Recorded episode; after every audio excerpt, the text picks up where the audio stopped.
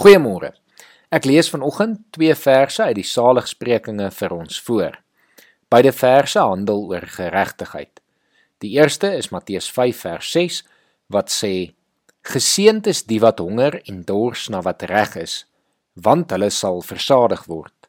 En daarmee saam Matteus 5 vers 10 wat sê: Geseënd is die wat vervolg word omdat hulle doen wat reg is, want aan hulle behoort die koninkryk van die hemel. Geseënd is die wat geregtigheid najag, wat daarna smag, wat daarna honger en dors. En geseënd is die wat omdat hulle doen wat reg is, vervolg word. Ons sien alweer die duidelike paradokse in hierdie stellings. Dit maak eintlik nie sin nie. Hoe kan iemand wat honger of dors is gelukkig wees? Hoe kan iemand wat vervolg word geseënd wees? En tog noem Jesus ons Makarios. Welgeluksalig. Drie maal gelukkig geseënd. So hoekom sal iemand gelukkig wees wanneer hulle vervolg word of wanneer hulle honger of dors na geregtigheid?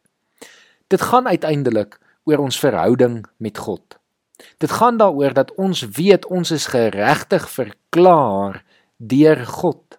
En nou dat ons geregtig is, gee God vir ons die behoefte om geregtig te leef, om goed en reg voor hom binne sy wil te leef. En daarom sal ons honger en dors daarna, maar dit is ook geseend omdat dit van God afkom. En omdat ons hierdie begeerte ontwikkel, begin die ongeregtigheid in die wêreld rondom ons ons al hoe meer pla en daarom raak die behoefte net nog groter en groter. Kyk maar net vandag rondom jou en 'n mens voel sommer oorweldig oor die ongeregtigheid wat seevier. Maar dan moet ons aan Jesus se belofte vashou. In God se koninkryk gaan ons versadig word. God se koninkryk gaan uiteindelik seevier bo die ongeregtigheid van hierdie wêreld. God het eintlik alreeds die ongeregtigheid en die bose van hierdie wêreld oorwin.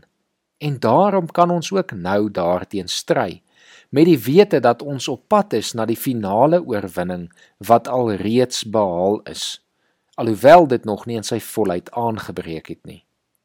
Ons kan weet ons sal uiteindelik versadig word. Wanneer ons na geregtigheid streef sal dit uiteindelik seëvier geregtigheid gaan uiteindelik wen. En daarom kan ons moed hou kan ons volhard en kan ons aangaan met die wete dat geregtigheid gaan wen. Maar dan hiermee saam ongelukkig ook 'n waarskuwing. Jy gaan vervolg word. Omdat ons as gelowiges teen die grein van die samelewing ingaan, gaan jy vervolging beleef in watter mate ook al. Maar dit moet jou nie afskrik nie. Jesus noem jou as vervolgde ter wille van hom, ter wille van sy koninkryk ter wille van geregtigheid geseënd. En hoekom? Want juis dan sal die koninkryk van God aan jou behoort. Mag ons as gelowiges altyd die ongeregtighede rondom ons aanspreek. Mag ons daarteen stry en mag ons weet dat God deur sy gees vir ons die oorwinning sal gee. Kom ons bid saam. Here ons dank U dat U vir ons die behoefte gee om geregtig voor U te leef. Here, dankie dat U ons geregtig verklaar het selfs al het ons dit nie verdien nie.